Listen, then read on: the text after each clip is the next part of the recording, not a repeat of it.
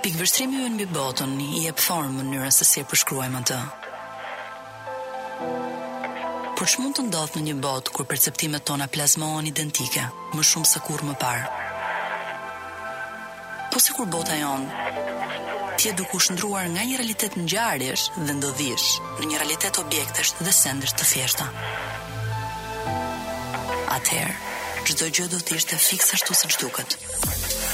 Pa mister, pa nëntekst, pa mundësinë e një deux ex machina. Çdo gjë është ashtu siç duket.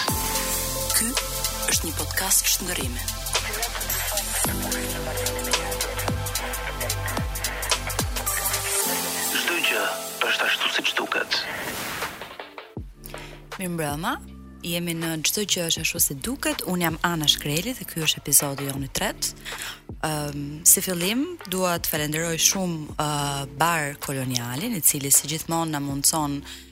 koktejlet e mrekullueshme me të cilat ne kemi vendosur t'i qerasim të gjithë të ftuarit që kemi, që janë në një farë mënyre miqtë tanë.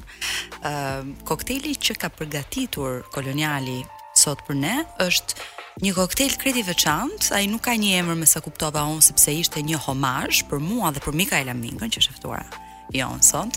Dhe është një koktejl i cili është me bazë xhini, që është pija ime e preferuar, me ginger ale, me liker dhe me lajm. Kështu që Mikaela, ë uh, a tua, jo vetëm skena, por koktejli dhe çdo gjë tjetër.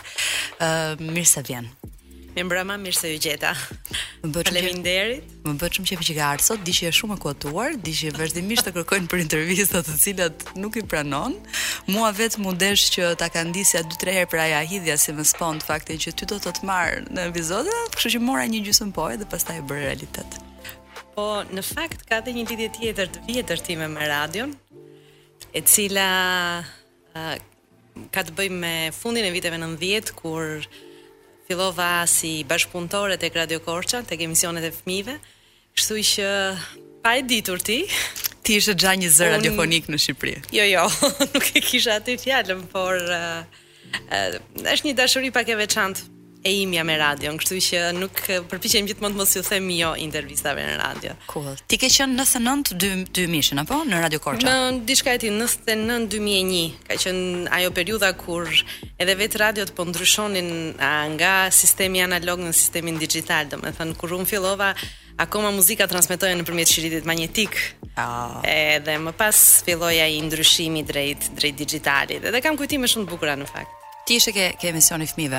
Ishte emisioni i fëmijëve, po, një Ça, emision. Ça ndodhte, telefononin fëmijët, merrnin, kërkonin telefonata, ose Fëmijët këngë? kishin, po, kishin ato dëshirat e tyre, kishin qejf të përshëndesnin, kishin qejf të merrnin në telefon edhe të flisnin për për ditën si ju kishte kaluar dita. Domethënë ishte një format emisioni ë uh, pak i, i prejardhur nga periudha e para viteve 90, kishte shumë këngë për për fëmijë, nga festivalet e fëmijëve. Mm -hmm. Por që mua më hapi shumë shtigje sepse u gjenda fare papritur një ftesë e një mikeshës sime, që kishte punuar më përpara me këto emisione, edhe kështu filloi. Çfarë këngësh kërkonin fëmijët Mikaela në radio? Jam kurioze në 99 2000 2001.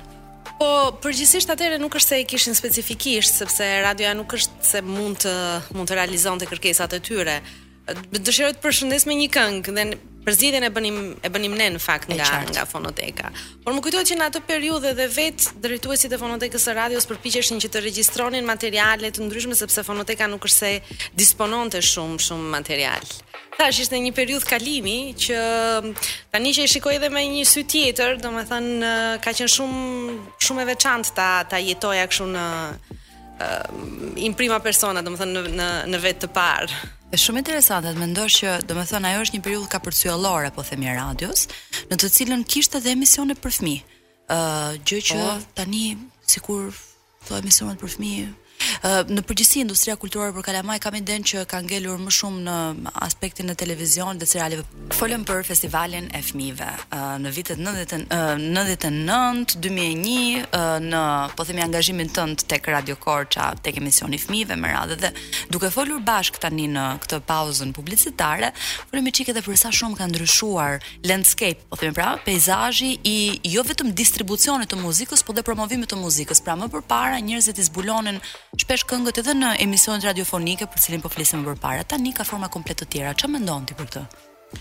Shiko, kjo është një uh, debat shumë i madh në në përgjithësi, kam parasysh domethënë epokën digjitale e cila uh, tani më e ka hequr muzikën si si mall i prekshëm, domethënë Në dijeninë time në Amerikë nuk prodhohen më CD, ka një pasion disi të veçantë për uh, eh, LP-t që janë më, domethënë për ata fansat e e përveçëm të muzikës, ndërkohë që çdo gjë shkon në në digital. Këto janë rrjedhojë e teknologjisë edhe në një mënyrë apo në një tjetër ne nuk kemi si t'i, si t'i konsiderojmë si po themi element negativ. Ë çdo gjë Do të vëzhgohet në një, po themi, në një perspektivë kohe të caktuar. YouTube-i sigurisht ofroi një demokratizim të jashtëzakonshëm të muzikës. Domethënë, në qoftë se ty radioja të impononte një listë të caktuar dëgjimi, të cilën ti e e dëgjoje në rastin e jutubit çdo njeri vendos materialet që ai dëshiron ka kanalin e vet edhe kështu domethënë ka një liberalizim thuajse të skajshëm të të muzikës ndërkohë që kur doli jutubi ne nuk mendonim se do të kishte të tjera platforma për shembull folëm bash për spotify-n apo edhe të tjera që kanë kanë dalë tani rishtas që gjithashtu mm, luan një rol të jashtëzakonshëm në transformimin e shpërndarjes së muzikës. Probleme me Spotify-n ka, për shembull, para pak kohësh kam dëgjuar një ligjëratë të një anëtari të grupit të ABBA-ve, nuk po më vjen emri tani, i cili vinte në dukje problemin e pagesave të autorëve I ka shumë i ka shumë të ulta krahasimisht me CD-t, edhe unë këtë po lexoja. Dhe përveç kësaj, një problem tjetër është fakti që aty ku nuk njihen autorët, ë uh, gjithë po themi të ardhurat shkojnë në një kuti të zezë, e quante ai, e cila në fakt rri aty dhe nuk ky ky ë kjo e ardhur nuk shpërndahet. Disa mund të thonë për shembull që oh, po okay, ç'rëndësi kanë të ardhurat, ndërkohë që ai vetë thoshte nëse jam ky që jam, Ishte nga fakti që duke bërë këngë të caktuara, të cilat ishin sukses, të suksesshme, unë merrja nga të drejtat e autorit dhe kisha gjithë kohën e lirë për të krijuar këngë të reja. Pra kjo lloj, ky lloj komunikimi që ishte më përpara, mm, thekson ai, nuk është tani nëpërmjet Spotify-t, kështu që ose duhet të rriten pagesat për uh, ata që dëgjojnë Spotify-n, ose duhet të gjenden mënyra që pagesat për autorët të mbërrijnë tek autorët. Sepse ça ndodh Spotify paguan për çdo një për çdo 1000 klikime. Që do të thotë që është vërtet kjo, që pjesa tjetër për shembull qoftë se nuk e rrumbullakos shifrën mbeten në limbo në këtë black boxin. Megjithatë, Një gjë tjetër për shembull që kjo është një ky është një vëzhgim krejt personal. Çfarë nuk më pëlqen mua nga Spotify dhe çfarë nuk më pëlqen mua nga Amazona në rastin e librave, që janë të dyja probleme related me atë që unë i quaj probleme algoritmike. Pra nga njëra anë algoritmi na ka ndihmuar sepse na ka ndihmuar duke na sugjeruar gjëra të tjera që mund të na pëlqejnë, të ngjashme me çfarë kemi lexuar ose dëgjuar më përpara. Nga ana tjetër ka një problem shumë të madh që Algoritmi nuk e parashikon dot kurrë shumëngjyrshmërinë, larmishmërinë e shijeve të identitetit dhe të shpirtit njerëzor. Që do të thotë, duke rekomanduar gjithmonë në bazë të linjës të asaj që ai mendon që ty të ka pëlqyer, ne më duket mua sikur humbasim shansin për të zbuluar gjëra të cilat nuk kanë lidhje me çka kemi dëgjuar më përpara. Pra humbet ai elementi i surprizës që ti e gjen kur shkon në një record store ose kur shkon në një librari, që shikon një libër të cilin ti nuk e njeh ose diçka që nuk përputhet mbase me shijet e tua deri në atë moment, por që vendos ta zbulosh nga fillimi. Më duket sikur algoritmet këtë gjë e lënë jashtë, sepse algoritmet veprojnë në bazë të një pathi të caktuar, pra të çfarë ke klikuar ti më përpara. Radio për shembull nuk e ka këtë. Në radio mund të nisë një këngë nga hiçi, e cila ty të pëlqen, po ajo mbase është nuk është një zhanër muzikor që ti do ta kishe zgjedhur vetë. Si mendon? Është e drejtë kjo që thua, por deri diku sepse ë uh, ngelet pastaj tek individi vetë, tek ndërgjegjësimi Për efektin e algoritmit. Unë mua ma sjell puna që unë të jem vazhdimisht në YouTube për të dëgjuar materiale shpesh të cilat nuk kanë lidhje po themi me shijet e mia personale muzikore, mhm. shkojnë shumë shumë larg dhe Se ne më fal që po të ndërpres, ne lamë nam, po ne nuk e prezantuam që Mikaela është muzikologe. Edhe do thoja që është nga më të kuotuarat në Shqipëri. Uh, oh. sepse unë u hutova, ja, ja, u hutova t'i uroja mirëseardhjen me pije. Kupton çfarë lloj gafe, kështu që Mikaela të lutem vazhdo. Ëm, um, pra në qoftë se ne jem, jemi të ndërgjegjshëm, pastaj kjo mund të kthehet edhe në një loj në një lloj loje. Ti mund të provosh çfarë të ofron po themi YouTube-i, algoritme të caktuara dhe pastaj të bësh ato kërkimet kërkimet e tua. Befasia më më e madhe imja është kur gjej materiale të cilat nuk do mendoja që t'i gjeja diku tjetër. Për shembull, një nga problemet më të mëdha të muzikës Në Shqipëri është fakti që ne nuk kemi një arkiv e cila të ketë mbledhur të gjitha materialet muzikore që janë, po themi, shfaqur pas viteve 90. Dhe kjo është me të vërtetë një gjë e trishtë. As Radio Tirana nuk ka këtë arkiv? Jo. Jo, sepse mm, pas viteve 90 Radio Tirana nuk ishte më i vetmi institucion që prodhonte muzikë. Muzika filloi të prodhohej edhe matanë po themi mureve të Radio Tiranës dhe Radio Televizionit Shqiptar. Dhe kur ty të duhet një material, i vetëm e vetmja pikë referimi për ta për ta gjetur atë ngelet ngelet YouTube-i. Dhe ky është një problem më vete që megjithatë YouTube-i duhet të fshijë muzikën shqiptare, kështu që Edhe kjo, domethënë, ka një sërë uh, problematikash të cilat uh, herët ose vonë duhet të, duhet të artikulohen në, në, në shtyp apo në Ma, madje edhe nga institucionet e ndryshme kulturore, unë e shoh shumë shumë të nevojshme. Pra nuk kemi një arkiv apo një database të gjitha këtyre materialeve të prodhuara. Çështja e arkivave në përgjithësi është shumë interesante si problem i kulturës shqiptare, sepse këtë mund ta hasim edhe me fenomene të tjera, domethënë edhe sa i takon botimeve, vazhdon sigurisht është biblioteka kombëtare, e cila i ruan, por nga ana tjetër Ai është një institucion që ka probleme të tjera. Megjithatë, po por gjithsesi është biblioteka kombëtare. Po, e vërtetë. Në rastin, në rastin në fjalë ti ke për shembull albume, po themi nuk e di, të albumet e Ardit Gjebres, ku i gjen? Edhe ky është një problem vetë po. sepse në YouTube ti e gjen materialin single-in, domethënë një këngën specifike, por nuk gjen albumin. E qartë, shumë interesante kjo tema, tema e mungesës së një arkive. Unë do të të përshëndes Mikaela me një këngë që unë kam shumë qejf që quhet Thursday's Child, ah, sepse ne jemi on a Thursday dhe është David Bowie.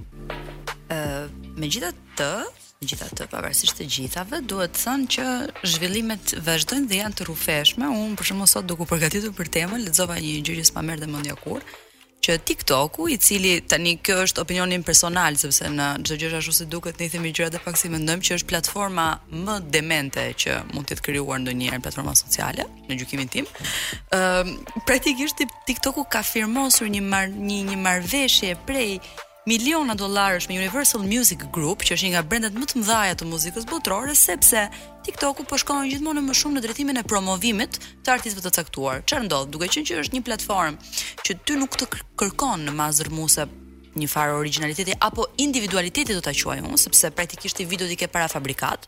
Pra vihet një muzikë në sfond, mimezis, bëhet mimezis gjithkohë që ti riprodhon fjalët e dikujt tjetër, edhe kjo gjëja tani është super promovim muzikor. Kështu që ne i urojmë shumë fat TikTokut, sigurisht që mos ia qajmë hallin kalorësit se i varen këmbët. Kështu që po e kaloj këtë pjesë, por ka shumë forma të tjera që po lindin, është Melody VR që ti ke mundësi të asistosh në koncerte të ndryshme që bëhen nëpërmjet realitetit virtual, pra ti me avatarin tënd, të, si si me Meta Facebooku që po krijon këto realitetet virtuale etj etj. Kështu që un Nuk po vazhdoj të hyj më thellë, se sepse Mikaela nuk e kam ftuar për këtë. Ë uh, Mikaela ne thamë që ë uh, ekzistojnë këto festivalet e kalamajve, festivalet e fëmijëve, që ti më the festivali i Shkodrës apo jo.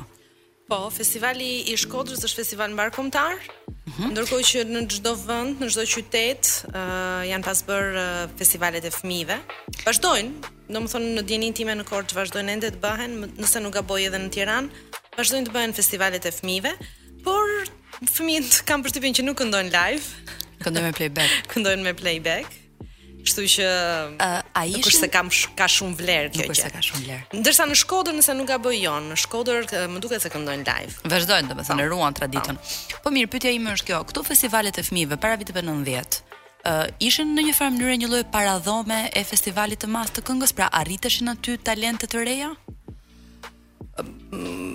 Kam përshtypjen që një sërë këngëtarësh kanë dalë nëpërmjet festivalit të fëmijëve. Aurela Gaçe ka kënduar tek festivali i fëmijëve, Inva Mula po ashtu, Ardit Gjebrea gjithashtu, domethënë, madje shpesh kanë qarkullojnë edhe këto videot e tyre në, në atë moshë. Kështu që Jonida Maliqi gjithashtu kanë kanë kënduar tek festivalet e fëmijëve. Domethënë fëmijë që kanë pasur një lloj talenti, e, fillimisht e kanë e kanë shfaqur aty dhe në vetvete është një gjë, një gjë e mirë. Mos harrojmë pastaj që kemi dhe këto formatet ndërkombëtare tani nëse Eurovision Kids Nëse nuk gaboj, po, po. Domethënë, është një, është një platformë që gjen hapësirë edhe në, në vende të tjera.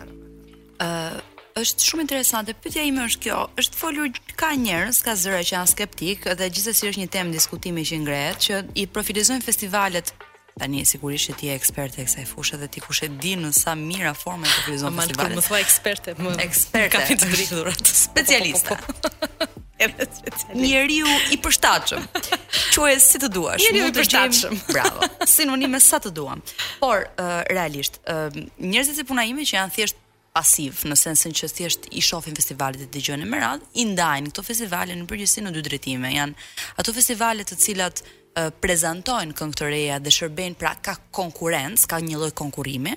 Janë dhe festivale të tjera në të cilat thjesht bëhen për kënaqësinë e publikut, pra mbledhin një komunitet të caktuar. Në rastin e të parave, unë do marr shembullin për shembull të festivalit të këngës shqiptare, po dhe të festivalit të Sanremos.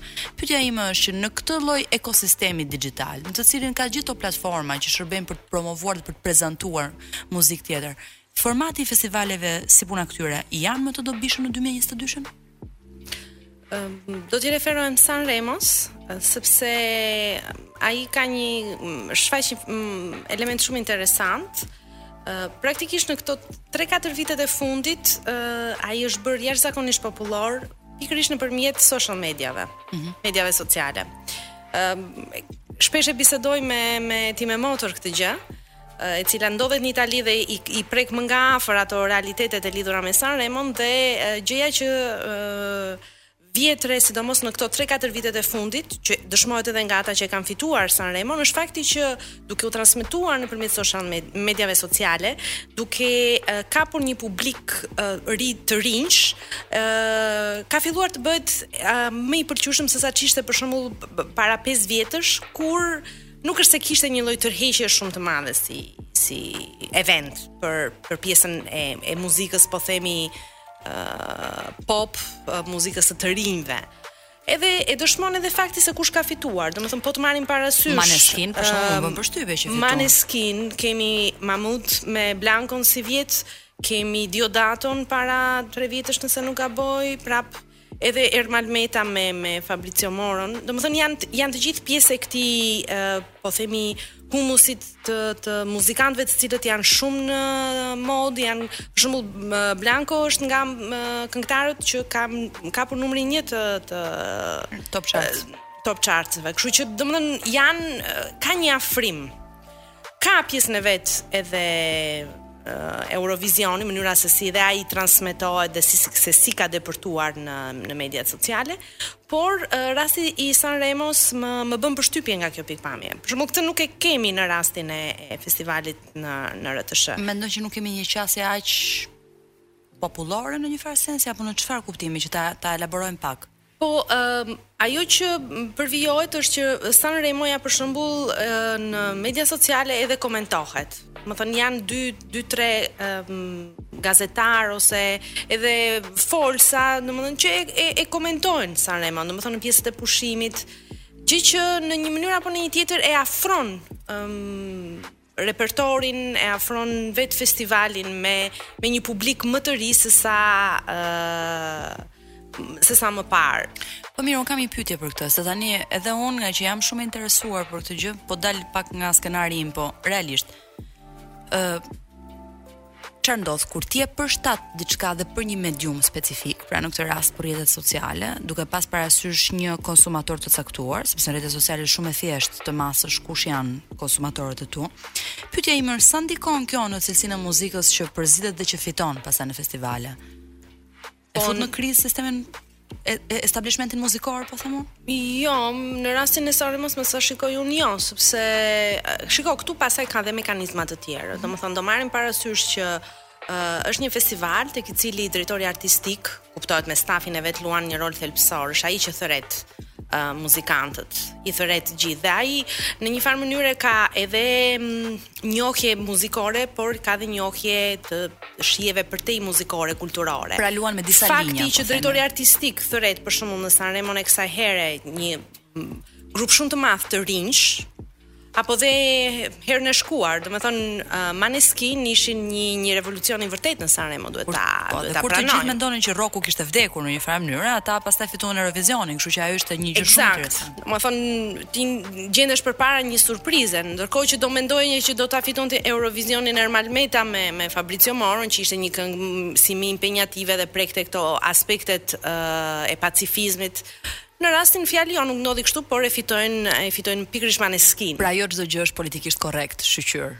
Ëh? Se dhe kjo, e kemi fol dhe me Sokolin që është dhe miku jot, në epizodin e parë thamë që nganjëherë kjo politikisht korrekt është bërë një ideologji, domethënë që është shumë e vështirë ta mbash me shpatulla. Si si çdo gjë, domethënë që në fillim ka atë elementin e, e po themi avangardës të, të resë dhe pastaj kthehet edhe ajo pastaj në ideologji. Dogëm. Në një farë mënyrë edhe rocku është kthyer në një ideologji, domethënë. Po, po, është është një ideologji gjithsesi domethënë, më simpatike. Por Maneskin i bën një lexim tjetër, ndërkohë që kanë edhe atë enturazhin e, e, e promovimit të mm, shumë të fortë në absolutisht po le le të mshojmë faktin që domethënë ata kanë bërë një një element shumë të fortë që kanë ata në bazën e promovimit të tyre dhe prap tani nuk janë politikisht korrekt janë është çështja e LGBT-së, e cila është një çështje mbi cilën ata ngrejnë plot marketing me këtë nuk dua të them që ata nuk janë të vërtet jam e bindur që ata janë të vërtet por dua të them që duket sikur dhe kjo vlen për shembull dhe për projekte kulturore specifike të organizatave të huaja në Shqipëri duhet ta them këtë gjë që në momentin që you check the box për 3 apo 4 tematika principale që janë tematika që në një farë mënyre e dominojnë në retorikën globale për momentin, ajo është një portë e hapur që absolutisht unë jam dakord, mbështes 100% kauzën, mbështes lirinë e gjithsecilit.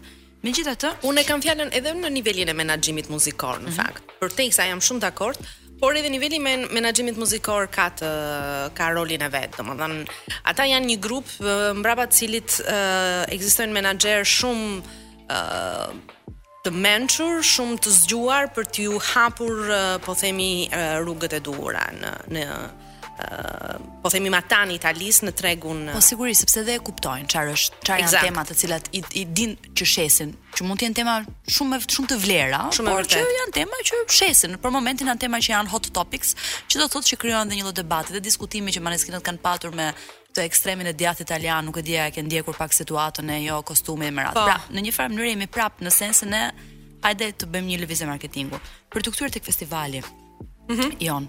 Ëm një nga gjërat që ne kemi diskutuar që do të trajtonim si temë sot dhe që mua më pëlqeu shumë ishte në një farë mënyre epoka kapërcyellore e këtij festivali, ë, e cila është po themi në vitet 90. Pra, festivali para viteve 90, festivali pas viteve nëntëdhjetë. Ëm pra festivali lind në gjashtëdhjetë e dyshin apo jo? Festivali i këngës siç e njohim ne sot. Quhej ndryshe edhe festivali i dimrit. Po, për pak kohë, për pak kohë. Për pak kohë. Pastaj, pastaj festivali i këngës në radio, pastaj festivali i këngës në radio televizion. Në vitin 90 është interesant u quajt kënga 90. Kënga 90. Si për të bërë një lloj për ta shënuar një ndarje. Ndryshimi shumë shumë e veçantë edhe ai moment. Ë uh, pastaj nuk e di këtu jemi domethënë tek festivali i këngës.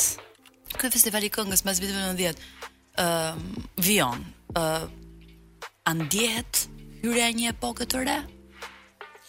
Sigurisht, në këngë Uh, po, domethënë, duke filluar nga vitin 1991, kemi një uh, ndryshim, qoftë në drejtim të, të numrit të këngëve, për shembull në 92-shin kemi një pjesëmarrje prej 50 uh, artistësh, 92-shin 93-shin, krahasuar me 20, 22 që ishin më përpara, domethënë është një lloj, liberalizimi, por edhe në drejtim të, të zhanreve që, që përfshihen në, në festival. Domethënë ka disa elementë, është veç të tjerash është prezenca e artistëve nga zonat shqipfolëse përtej Shqipërisë, nga Jugosllavia atëherë, kryesisht nga Kosova, nga diaspora, domethënë kemi një numër artistësh që i afrohen, i, kanë më në fund mundësinë t'i qasen skenës festivalit, pastaj janë pjesa e muzikantëve që gjatë periudhës së diktaturës ishin larguar,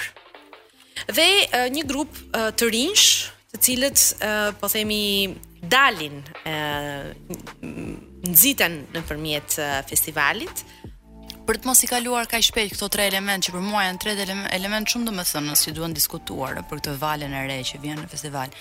Jam kurioze të di, prurjet nga Kosova. Pra Kosova ishte, Kosova nuk kishte një festival. Mbi të gjitha mund të themi që ajo periudhë e Kosovës ishte një periudhë që u karakterizua edhe nga um, periudha e preluftës, ëh, ne e dimë që pavarësisht se lufta do të shpërthente në 98, 99, gjithsesi ishte një situatë konfliktualiteti.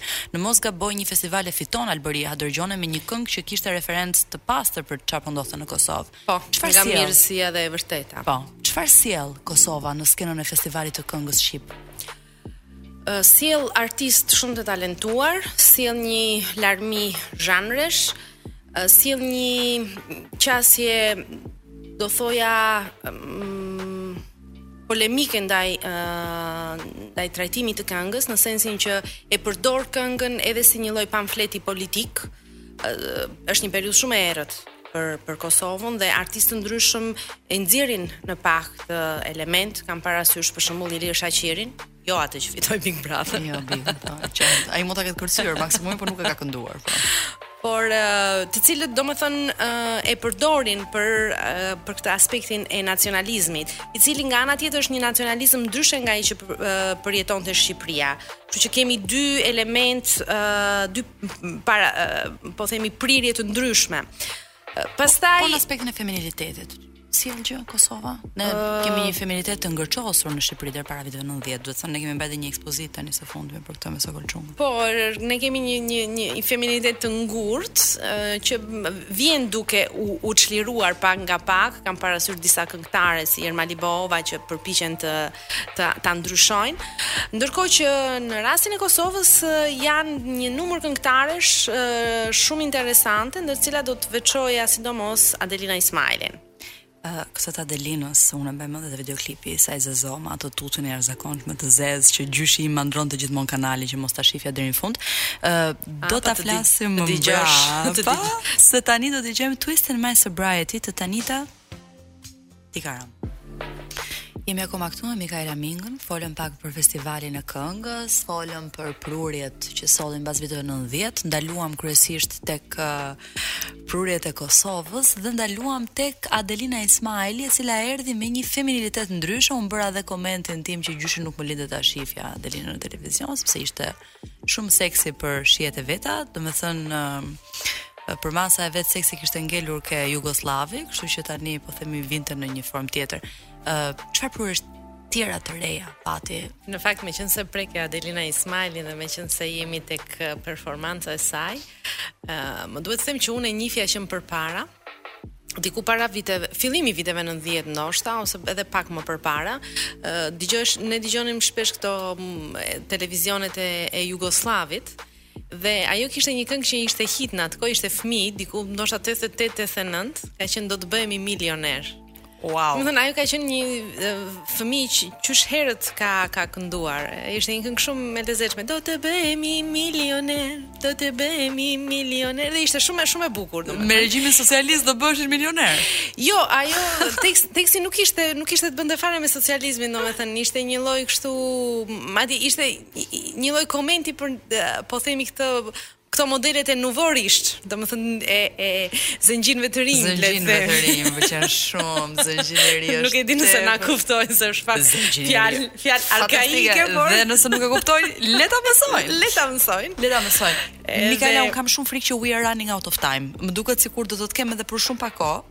Okej, kështu që them që ta lemë Adelina Ismailin aty ku është për momentin dhe lëvizim tek një vend tjetër. Dhe lëvizim tek një vend tjetër. Çfarë? Jo, ajo që doja të thoja në lidhje me festivalin është që uh, Adelina Ismaili solli një prurje jo vetëm në drejtim të këngës, uh, e lidhur me po themi breakdancing, me disc jockey, me të gjitha ato elementë që në atë kohë në vitin 96 në Shqipëri nuk është se ishin fort uh, të njohur dhe fort mainstream mm -hmm. dhe nga ana tjetër edhe një lloj performance, një lloj feminiliteti i cili lidhet edhe me heqjen e xhaketës së saj, domethënë një lloj uh, transgresioni. Uh, transgresioni i cili u uh, edhe u kritikua nga një pjesë, po edhe u pëlqeu nga një pjesë tjetër. Bukur shumë. E thashë direkt pam pam. Fantastike, direkt për quoting në Instagram. Ë Mika. Por ama them se ishte një artiste e kompletuar qysh në atë në atë periudhë. E bukura e dheut, do të thonë që ishte edhe e bukur. E bukur ishte. Bukura e dheut.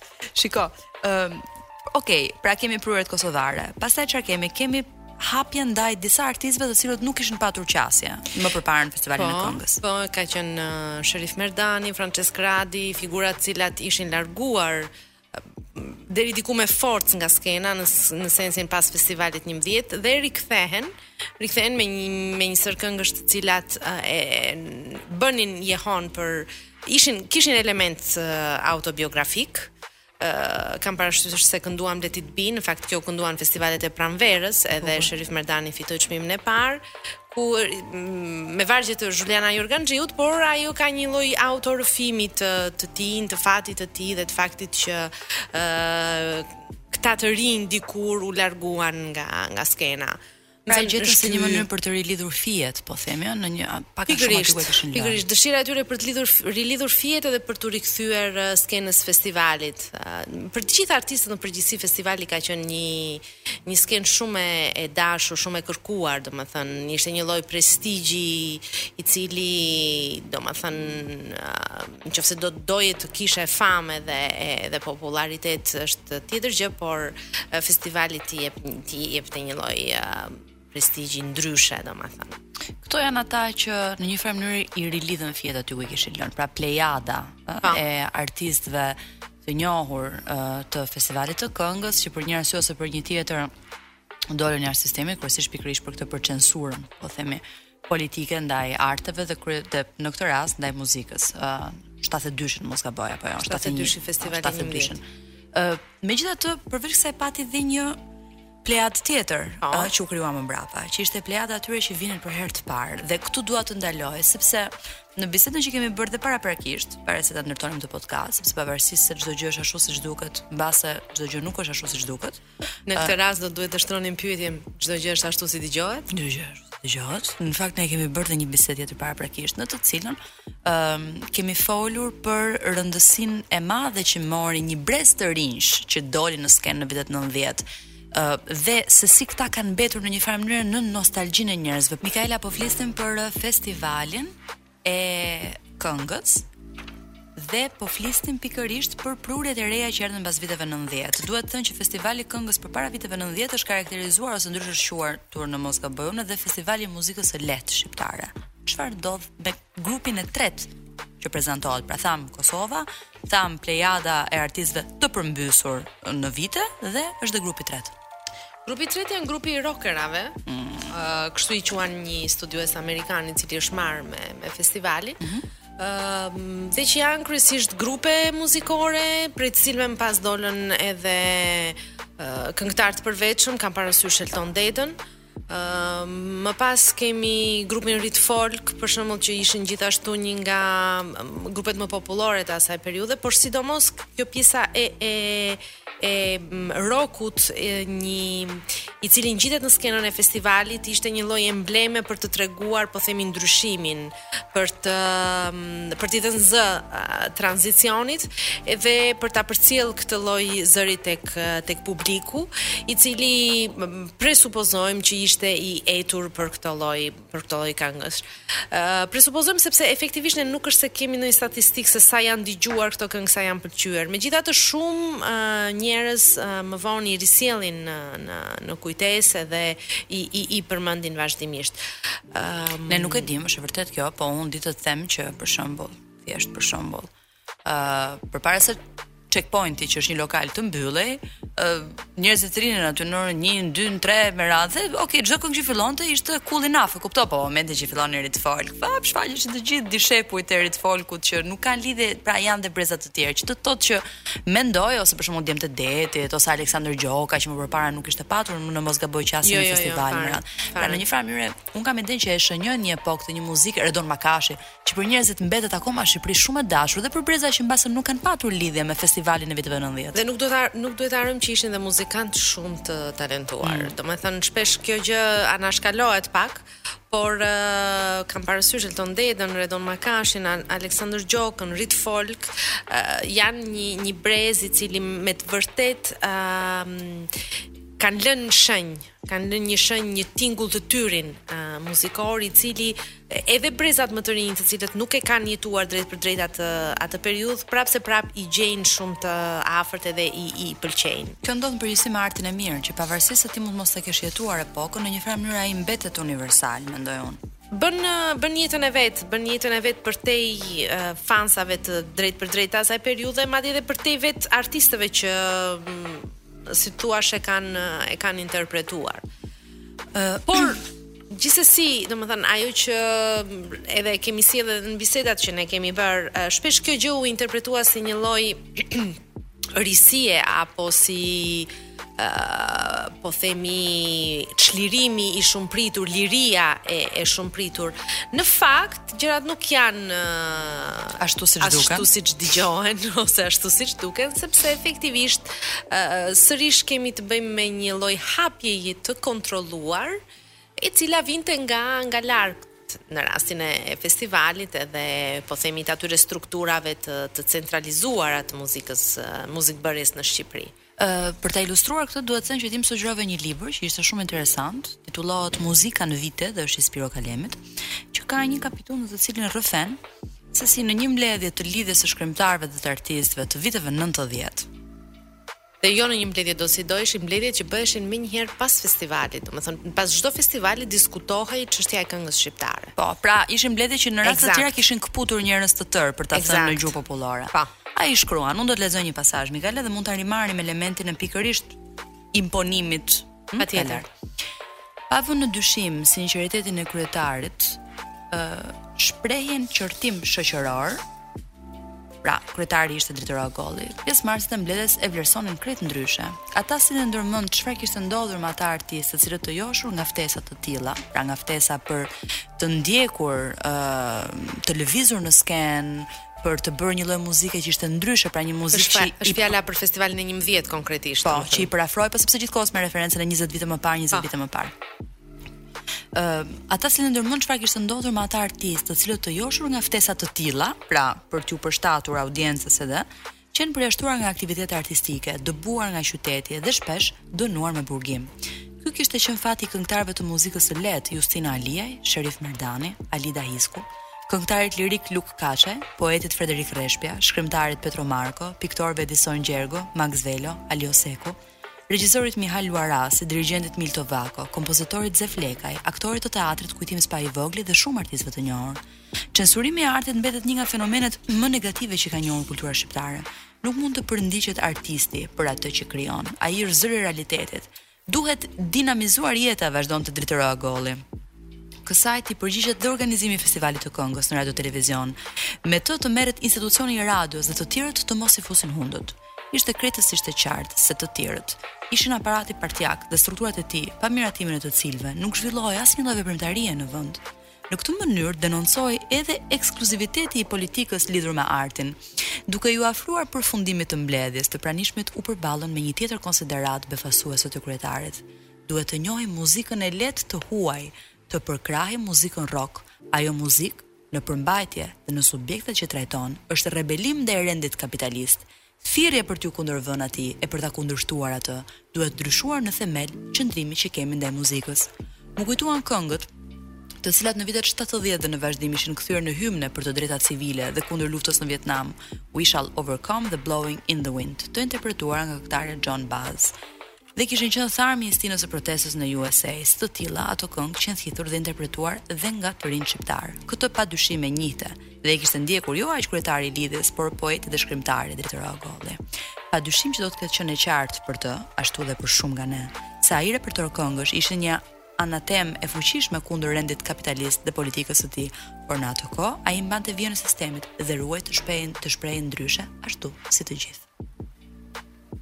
Është është një koment fantastik që ai bën. Unë kam pasur rastin të lexoj sepse mbledhjet e, e lidhjes së shkrimtarëve më pas publikoheshin, botoheshin te gazeta Drita, po kuptohet të të redaktuara disi ndërkohë që këtu ë uh, elementi i i shprehjes uh, është pak më pak më i i zhvilluar dhe sigurisht janë përshtypje të një personi, Spiro Kalemi ka qenë muzikolog, është muzikolog edhe kohët e fundit ka bërë një seri botimesh mbi kujtimet dhe përvojën e vet të asaj periudhe, por gjëja që të bën përshtypje është pikërisht artikulimi i fjalës rock. Mm -hmm. i i muzikës rock, domethënë ne do të hapemi pra ka një ndaj, hapje. Pra ka një hapje dhe hapja vjen sërish nga lart, domethënë nga lart, domethënë. Pra nuk është ajo siç mendohet që ka patur një revolucion muzikor që erdhi si një lloj jo. thyerje, por ka qenë po themi një kalim e i monitoruar. Kalim i kalim i monitoruar prej të cilit pastaj sigurisht uh, lirshmëria në në të shprehur, në të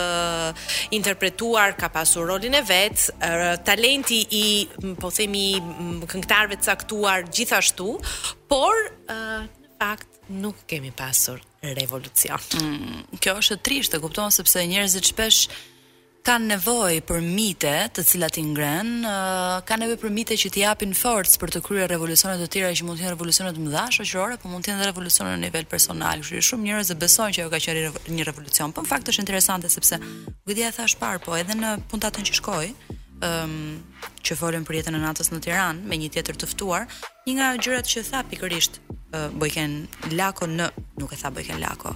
Unë e lexova të thënë nga Bojken Lako, pra në një intervistë që ai pat dhënë me Delina Ficon. ë uh, Rrëfente se si në fakt vitet 90 vijnë përpara viteve 90, sepse ai që në fillim luante në piano, euro, Beatles e tjera e tjera. Ndërkohë, gjatë kohës që ishim në publicitet dhe njerëzit janë duke na ndjekur, Një dëgjues gjen rastin të nisi tekstin e këngës Do të bëhemi milionerë të Adelina Ismailit dhe unë do ta lexoj tekstin për ju sepse është poezi e vërtetë. Duke ju uruar të gjithëve që të bëheni milionerë shumë shpejt. Teksti thotë: Gjyshi kursen naftë dhe s'e lëron arën, në vjeshtë s'mbolli fare që ta kursejmë farën. Gjyshja kursen syzet, pa to çdo herë del, Mami kursen rrymën shkon e ha në hotel. Motra kursen kohën fare nuk qëndis, shkon i merr të gatshme në Selanik të Greqisë. Vllau kursen bagllamet, ndaj s'i hap dritaret, xhaxhi e shet drithin t'i kursejë hambarët. A tekste po të ndalojmë edhe te tekstet e këngëve të kohës, se dhe këto janë një tjetër histori.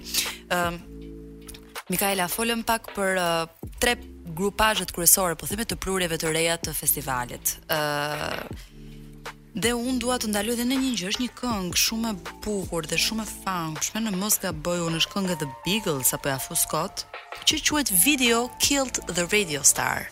Uh, ah. këto janë vitet në të cilat në një farë mënyre në Shqipëri fillojnë edhe hyjnë videoklipet që më përpara me sa di unë nuk ekzistonin. Çfarë ë uh, Kjo ka një histori shumë interesante sepse është Është transmetuar për herë të parë në lançimin e kanalit MTV Music Television. Video Killed Radio Star. Ja.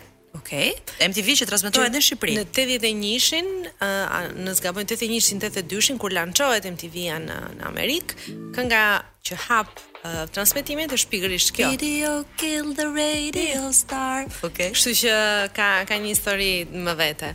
Videoklipi gjithashtu fillon uh, një po themi histori të tijën pas viteve 90. Kohët e fundit kishim dhe një ekspozitë të kuruar nga Donika Çina në Bulevard Media Institute, e cila na risolli, po themi, videoklipet e realizuara në fillim të, të këtyre viteve, dhe është shumë interesant se sa rëndësi ka uh, MTV-ja, domethënë imazhet e MTV-së në realizimin e videoklipeve të para, domethënë ti shikon uh, këngëtar me flokë të gjata, këngëtar që janë të veshur si, po themi Frank Zappa, mm. po ndërkohë që nuk kanë mm mustaqet e jashtëzakonshme të Frank Zappës, por nuk kanë, po themi atë estetikën edhe nuk përqafojnë, po themi muzikën që ka bër Frank Zappa nga kjo pikpamje, ose kemi element të videoklipeve të Guns N' Roses për shembull, të Metallica e kështu me radhë. Domethënë është një imazh uh, i lidhur me muzikën i cili vjen uh, dallohet shumë shumë qartë. Por uh, ajo që të bën përshtypje në këto uh, në këto vite është fakti që shumica e këtyre uh, artistëve që i kanë realizuar dhe këtu kam fjalën jo vetëm për muzikantët, por edhe për ata që realizojnë videoklipet, nxiten nga qëllime ë thjesht artistike, domethënë nga ajo dëshira e tyre për të bërë diçka ë të re, për të provuar, se sa nga dëshira konsumeriste, domethënë këto nuk është se kanë qarkulluar për ti mm, për t'u shitur. Videoklipet, thua. Videoklipet. Mm -hmm. Dhe sërish Radio Televizioni Shqiptar është, po themi, enti i cili, enti rregullator i realizimit të tyre. Shumica janë artistë që punojnë më pranë RTSH-së. Por është me të vërtetë shumë interesant periudha e viteve 90 për të parë këtë këtë zhvillimin. Kam parasysh edhe ë Na ça një jetë e mm. Leonard Bombaj mm. që është edhe një lloj eksperimenti jo ka thjesht ka një videoklip ai e ka të paparë po, një herë hyp majë të piramidës po. një herë hyp në majë të kullës së Sahatit exact. pastaj zhvillohet në një skenë kështu underground të çuditshme të Tiranës Merr Aleksandër Gjokën të veshur me të bardha që të kujton të kujton pikërisht kitaristin e grupit Queen, po, domethënë ka ka element, por shumë novator duhet të them eksperimenton me hip hopin që në atë periudhë thuajse nuk është se artikulohej kaq si si zhanër në në Shqipëri dhe Arrin të sjellë një një produkt që sot është shumë interesant. Unë këtë e kam zbuluar shumë vonë këtë videoklip, e kam zbuluar një natë që kam qenë duke pirë në një lokal, dhe më thonë që çfarëdo lloj gjëje të bësh ti në jetë, nuk do bësh asnjëherë nivelin e coolness-it të këtij videoklipi dhe më ka bërë shumë përshtypje. Dhe më kanë thënë madje kur jam interesuar pastaj për mënyrën e xhirimit, më ka thënë që është xhiruar se atëherë s'kishte drona, kuptohet, është xhiruar me helikopter. Po, dhe Leonardi tregon që kishte e rregulloi një gjë të tillë duke duke bindur djalin e një ministri i cili ta ta merrte t'i jepte lejen për për helikopterin, domethënë kishte përdorur ato favoritizëm. Atë forcën, forcën e vet. Po, shikon që në këtë rast favoritizmat shkojnë për të bërë gjëra të mira, kështu që por i pranojmë. Nga ana tjetër është Keq që nuk e kemi zbuluar më përpara, sepse është pikërisht mungesa e atyre që tham tham në fillim të emisionit, pra mungesa e një arkivi ose një që të po rrëfejë, po, historinë e database i cili të, të mund ta ta rrëfejë. Mikaela në vitin 97 ë për shkak të trazirave festivali i këngës nuk u mbajt në praninë fizike të artistëve dhe këtu luan rol pikërisht videoklipi për ta riqepur bisedën me videoklipin si u realizua festivali. Nuk ka qenë festivali i këngës, ka qenë festivali i pranverës. Ah, festivali i pranverës. Okay. Domethënë ndjesë, deri, ndjesë dëgjues. Deri në fillim të viteve 2000 është zhvilluar një festival paralel, festivali i pranverës dhe ky koincidonte pikërisht me periudhën e, e nëntëdhjetë e shtatës, dhe të gjitha u realizuan në formën e videoklipeve. Dhe ai është një një lexim i bukur. Nga një anë ti kupton që artistët nuk heqin dorë nga nga dëshira për të për të krijuar festivalin, domethënë përpiqen për të për të sjellë një produkt dhe nga ana tjetër shikon edhe pikëvështrime të ndryshme. Në atë periudhë për shembull debutojnë Spirit Voice, nëse nuk gaboj, ë uh, që janë varianti shqiptar, po themi i, i Spice Girls. Po. Por që që të Spice Girls solli një revolucion në muzikën britanike, po themi të paktën në mënyrën se si e kanë përjetuar me njerëz që i kanë njohur ë muzikalisht në atë periudhë ka qenë një thyrje shumë e madhe e këtyre vajzave që ishin gati College Girls ishin vajza. Po, por nuk duhet ta harrojmë që Spice Girls tash nuk dua të të zhgënjej, domethënë, por ishin një grup i krijuar nga menaxherët, domethënë nuk ishin një kri, një grup që u krijua vetë. E kuptoj. Ëh, uh, dhe uh, në rastin e Spirit Voice, ajo që më më intereson ta ta përmend është fakti që kemi një uh, një feminilitet i cili shkon komplet në kundërshtim me atë çka ndodhte në situatën shqiptare, domethënë që këto vajza të, të shfaqin një një lloj individualiteti ndërkohë që jemi në 97-ën uh, situata ishte i po themi rendi publik ishte shumë uh, jo i favorshëm që në në përgjithësi femrat, të paktën jashtë Tiranës të mund të kishin një lloj lëvizjeje të lirë pa uh, pa qenë të ngacmuara nga po themi uh, pjesa e e nga njerëz të ndryshëm, nga njerëz të ndryshëm që do mos na të avancuar, po themi, në nivelin e hapjes mendore ndaj artistëve vajza të reja etj etj. Jo vetëm ndaj artistëve, por ndaj vajzave të thjeshta, kemi periudhën e, e prostitucionit, domethënë e rëmbimeve, e këtyre, domethënë Nuk është një situatë në cilin ky lloj feminizmi që shfaqnin spirit spirit voice të të koincidonte, domethënë. Dhe pikërisht për këtë lloj arsye është është interesant. Dhe është i bukur edhe roli, po themi. Dhe është i bukur roli që uh, merr, po themi videoklipi, pikërisht po themi si mbrojtës i i këngëtarëve në këtë moment kaq po themi dramatik dhe tragjik të Shqipërisë. Ne do rikthehemi prapë tani do të dëgjojmë një këngë, Mikaela, që unë kam shumë qejf, që quhet Bette Davis Eyes, dhe mendoj që është nga këngët më romantike që mund të ekzistojë, kështu që ta kushtoj.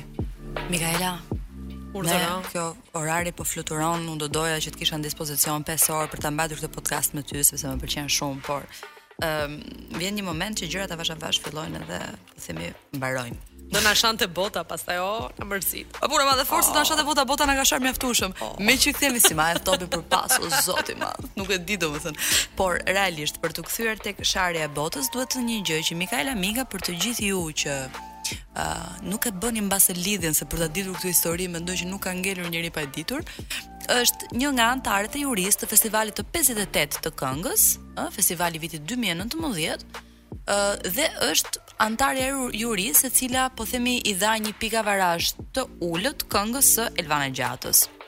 Çfarë ndodhi në këtë rast? Në radhë të parë, këtë po e them unë dhe nuk po e thotë Mikaela, mua më duket absurde që ato pikavarazhe dolën në atë lloj mënyre, sepse juria sigurisht që duhet të mbrojtur nga ë uh, nga një valë uh, sulmesh publike, por kjo nga ana tjetër manifeston edhe një fenomen tjetër të realitetit shqiptar që është krejt absurd, Mikaela u përball me një valë njerëzish dhe fansash, të cilët nisën të bëheshin tmerrësisht agresivë. Një valë të cilën unë e shoh që në Shqipëri është gjithmonë e më në rritje dhe për ata që mbase mund të mos e kenë ndjekur Big Brother-in, duhet thënë që edhe një nga konkurrentet e Big Brother-it u përball me një sulm dhe një një përbaltje të frikshme në rrjetet sociale ku njerëzit shkruanin nga marrëzirat më të mëdha dhe që kërcënojnë dhe ndërhyjnë drejtpërdrejt në jetën e njerëzve që në fund të ditës ose si në rastin e Beatrixës zgjodhën që ta jetojnë jetën e vet në një mënyrë siç duan, ndërkohë që në rastin e Mikaelës, një profesioniste që është thirrur nga juria për të dhënë opinionin e vet profesional, nis dhe linçohet nga njerëz krejt të panjohur, ë dhe duke i ndërhyrë në jetë. Një gjë që është marrëzi totale dhe nëse nuk e dini, ë ka njerëz mbrapa. Pra, nuk janë vetëm profesionistë, Në radhë të parë janë njerëz. Mikaela si e ke përballuar atë moment që për mua ka qenë skandaloz realisht.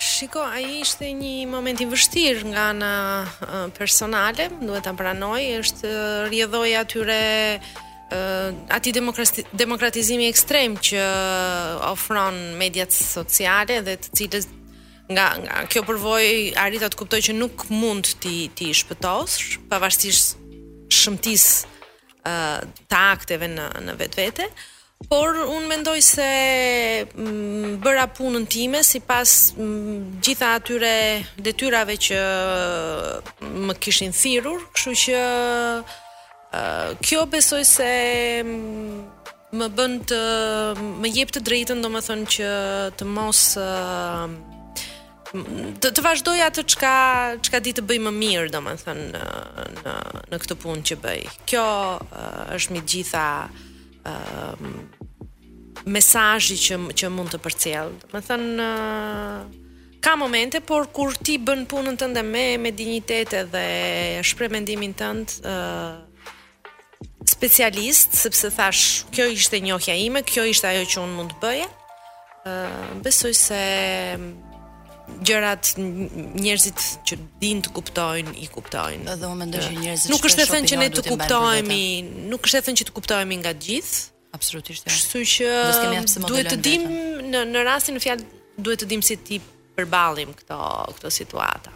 Për ta lënë mënjanë këtë uh, tematikë që unë doja që ta sqaroja me ty më shumë sepse unë, edhe unë doja vetë të jepja një mesazh për një situatë që mua më duket shumë revoltuese, unë dua të lexoj një pasazh nga një libër që ke përkthyer ti, i cili titullohet Muzika një hyrje e shkurtër nga Nikolas Kuk. Tepër e bukur. Në thelb, shkruan etno-muzikologu Bruno Nettl, muzika si sistem kulturor edhe nuk është një dukuri e botës natyrore, edhe përjetohet si të ishte e tillë. Për këtë arsye, ose të paktën si e shoh unë, kanë të drejtë qoftë ata të qëndrimit optimist, qoftë ata të qëndrimit pesimist. Të parët ndoshta më shumë ose kanë rëndësi më të madhe se sa të dytët. Nëse nuk e jetojmë muzikën si një shprehje të botës natyrore, si muzikë, do të thonin njerëzit, atëherë i heqim vetes një instrument për të kuptuar tjetrin, te dallimet që e karakterizojnë, sado i kufizuar dhe i përkohshëm qoftë ai. Në një botë në të cilën përpiqemi pikërisht të gjejmë kuptimin e gjërave, nuk mund të lëmë pa vënë re çfarë na ofron muzika. Kjo do të thotë një angazhim aktiv, dhe jo një tërheqje melankolike, me zhgënjim e bezdi. Në të njëjtën kohë, duhet të kemi parasysh se, ç'është e vërteta, t'ia përsërisnim vazhdimisht vetes ndërsa jemi duke dëgjuar, që muzika nuk është një shfaqje e botës natyrore, por një konstrukt human. Është par excellence një konstrukt i kamufluar si natyror. Kjo e bën jo vetëm një burim kënaqësie ndjesore dhe një objekt spekulimi intelektual, por edhe një mjet bindës të fshehur. Ja ku kthehemi sërish te fillimi i këtij libri, te mjeshtrat që të bindin fshehurazi në shoqërinë e sotme, reklamat. Muzika e reklamës Prudential, për të cilën fola në kapitullin e parë, i flet çdo dëgjuesi apo shikuesi, në mënyrë personale dhe konfidenciale, duke përdorur vlera të pathëna autenticiteti dhe identiteti personal dhe duke pëshpëritur mesazhin që me skemën Prudential ti mund të jesh ai që dëshiron. E bën një gjë të tillë duke zbehur dhe rolin e vet brenda saj. Dëgjojmë mesazhin e reklamuesit, por nuk e kuptojmë sa rëndësi ka muzika në përcjelljen e tij. Kjo e fundit e natyralizon mesazhin, e bën të duket si e vetmja mënyrë se si janë gjërat, gjë që e vura në dukje në kapitullin e 7. Nuk kemi pse çuditemi atëherë nga numri i madh i rrëfimeve të përqendruara te fuqia muzikore për të depërtuar vjedhurazi në të pandërgjegjshmen tonë, duke vendosur vullnetin e saj si të ishte joni. Të mendojmë për shembull fyelltarin Hamelin, që falë lojës në instrument, Shtinte në grackë fëmijët dhe i rrëmbente përgjithmonë nga shtëpitë e tyre, apo historitë e sirenave në Greqinë e Vjetër dhe përtej saj, që me këngën e tyre magjepsnin marinarë dhe i çonin drejt shkëmbinjve. Kemi dhe zërin muzikor të Sarumanit te Kryezoti i Unazave të Tolkenit, model i përsosur i demagogut me zë bindës, fjalimet e të cilit shtien në kurth dëgjuesit edhe atëherë kur ata përpiqen të hedhin poshtë atë çka ai kërkon të thotë. Ja pse. Për ta mbyllur, qasjen kritike nuk duhet ta ndërmarrin vetëm muzikologët. Adorno e kuptoi shumë qartë që teoria kritike linte pas dore muzikën, duke rrezikuar shumë në këtë pikë. Muzika ka fuqi unike si agjente e ideologjisë. Duhet të kuptojmë si vepron, si magjeps, për të mbrojtur veten ndaj hireve të saj dhe paradoksalisht, për t'i shijuar ato plotësisht. Që të bëhet një gjë e tillë, nuk duhet vetëm të dëgjojmë muzikën, por dhe ta lexojmë atë, jo në kuptimin e mirëfillt të fjalës, pra të leximit të notacionit muzikor, po për kuptimin që ka si pjesë thelbësore e kulturës, e shoqërisë, pjesë e imja dhe e jotja. Mikaela, ky është një tekst tepër i bukur. ë uh, dhe unë të falenderoj shumë që ishe sot me ne. Faleminderit për mua. Ky është një nga epizodet dhe nga bisedat më të bukura që unë kam mbajtur. Ëm ehm, uh, ju falenderoj shumë të gjithëve. Ju lë dhe ritakohemi prapë të enjten që vjen në çdo gjë është ashtu si duket. Faleminderit.